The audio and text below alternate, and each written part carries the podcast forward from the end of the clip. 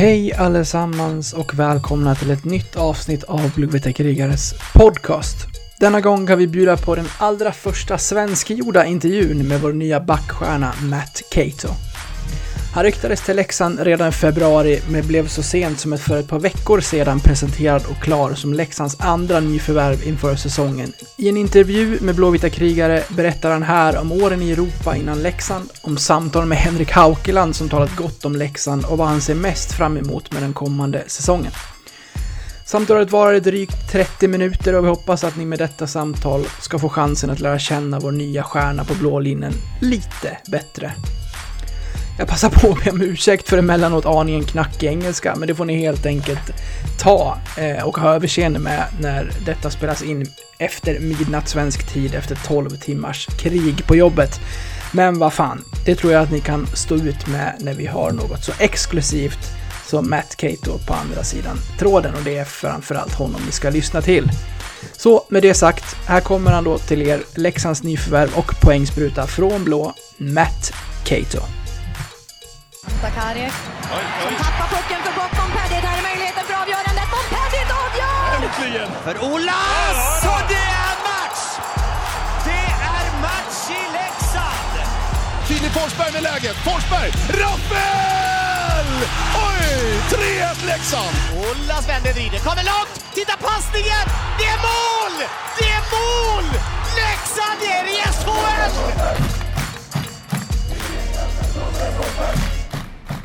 So, Matt Caito, welcome to the podcast. Thank you. Thank you. Appreciate it. Is that the way to pronounce it? Yep. Yep. Matt Caito. Yep. That's exactly the right way. Yep. And, and it's Matt you're going with. Uh, Matt. Yeah. Matthews, you know, what my family and everyone calls me, but on the ice it's shorter. It's just say Matt. So, yeah. okay. So, how are you doing in this corona times? Uh, it's been, you know, it's different. It's just a different summer for me. Uh, but it's good. I'm spending a lot of time with my uh, my family. Uh, so you know, it's been the longest summer I've had in a while with them, and uh, you know, just staying at home, you know, working out, training. That's about it right now, and just getting as much time with them as I can. Yeah, so uh, thank you. Uh, as I said before we started recording, uh, thank you for, for being with us for for a half hour or so. Uh, we try to do these interviews with the new players to to the team, so you are first out. We have just two new players so far in the squad. Yeah, well, it's good to be first. I Yeah.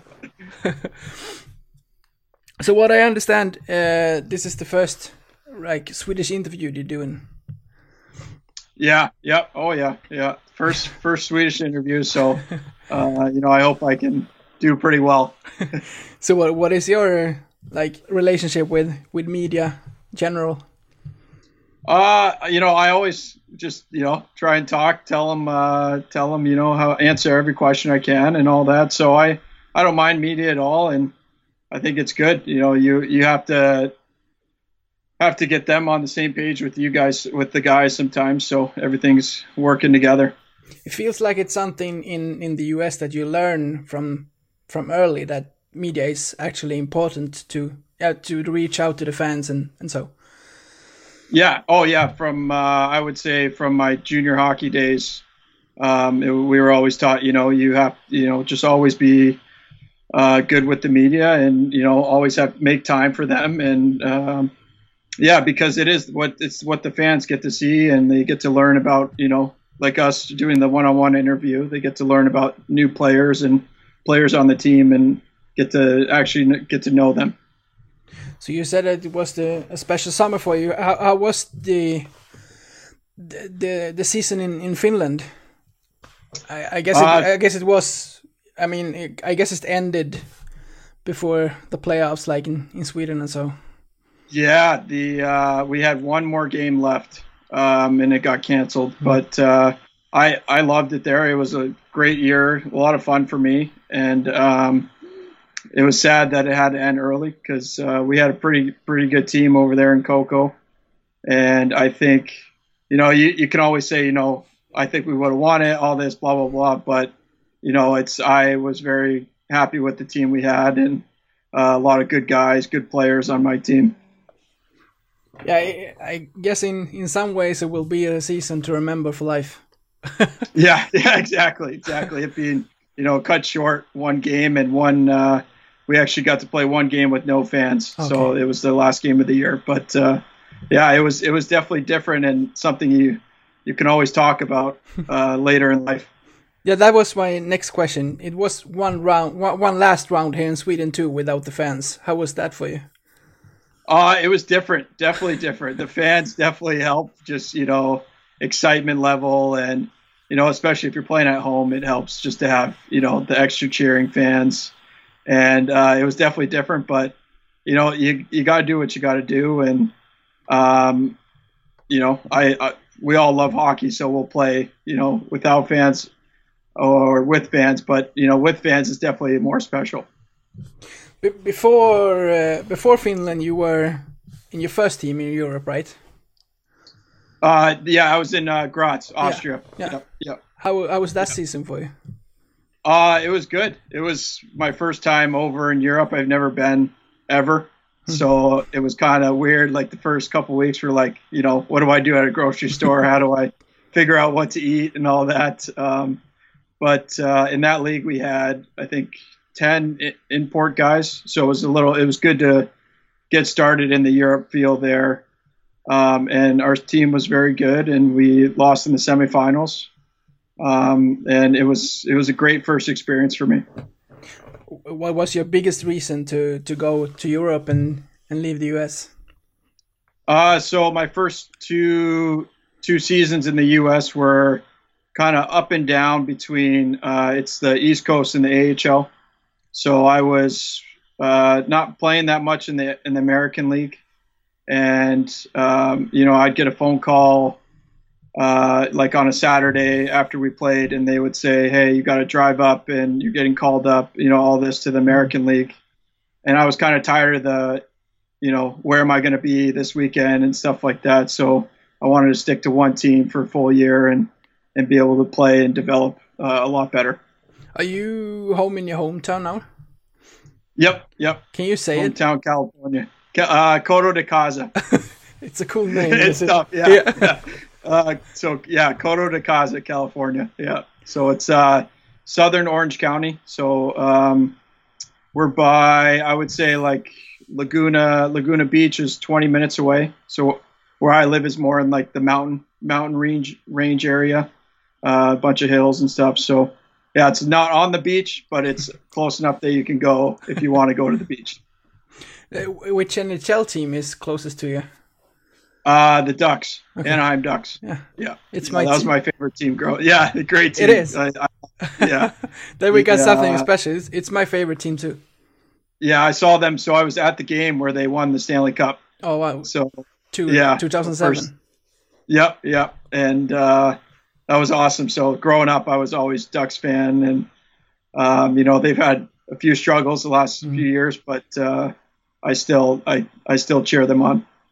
Is that because when I talked to Thomas and when he uh, when he was like leaving a comment for you when you were announced, uh, he said that this is a player that wants to go to come to Sweden to play, but he has bigger dreams and wants to go forward in his career after this. Uh, is is NHL what you're dreaming for, dreaming of, or how is the how is your thoughts? Uh, yeah. So I mean, I I always say like I take it as trying to get better every year, uh, like the development of my game, and you know NHL would be amazing.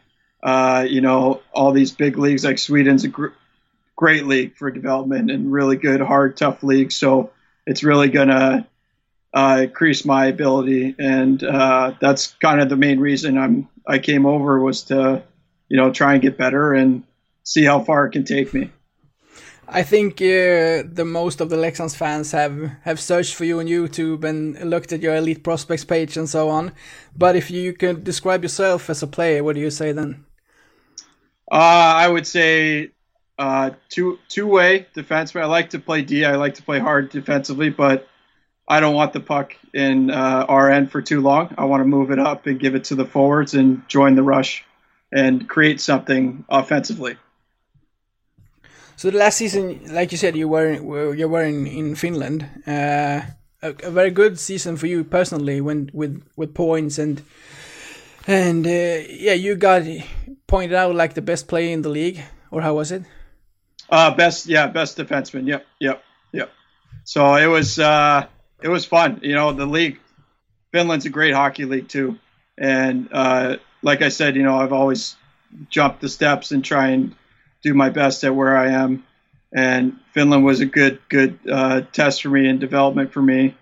And um, yeah, and it just you know we had such a good team that when you have good players around you, they can help you, uh, you know, personally and uh, you know, and when you're winning, you know, everyone gets gets a good credit for it. So.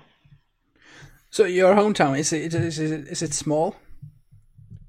Uh, no, it's it's not that small. it's uh, like we're in a, like in a community, but uh, I, I, I don't know the exact number, but it's uh, it, it's quite bigger than the places that I've lived in. We could say that in Europe. So yeah.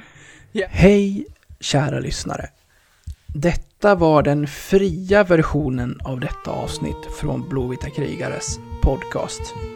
En eh, liten teaser kan man säga. Om du är sugen på att lyssna vidare och samtidigt stötta oss i vårt arbete så att vi kan fortsätta göra podden även framöver kan ni göra detta via Patreon. Då går ni in på patreon.com och söker upp Blåvita krigare. Eller så går ni in på patreon.com snedstreck blavita krigare. Alltså patreon.com snedstreck blavita krigare. Där kan ni sedan från 19 kronor i månaden stötta podden och på så sätt hjälpa oss att driva den vidare. När ni valt att stötta oss där får ni också en beskrivning i på hur ni går tillväga för att enkelt koppla Patreon-avsnitten till just er vanliga podcast-app. Det vill säga, ni behöver inte lyssna på oss i Patreon-appen, utan kan istället eh, blanda våra avsnitt från Patreon bland era andra poddar som ni lyssnar på. Så sök upp oss på Patreon, stötta oss där och så kan ni snart lyssna vidare på resterande delen av det här avsnittet. Stort tack på förhand. Ni är bäst. Ha det fint.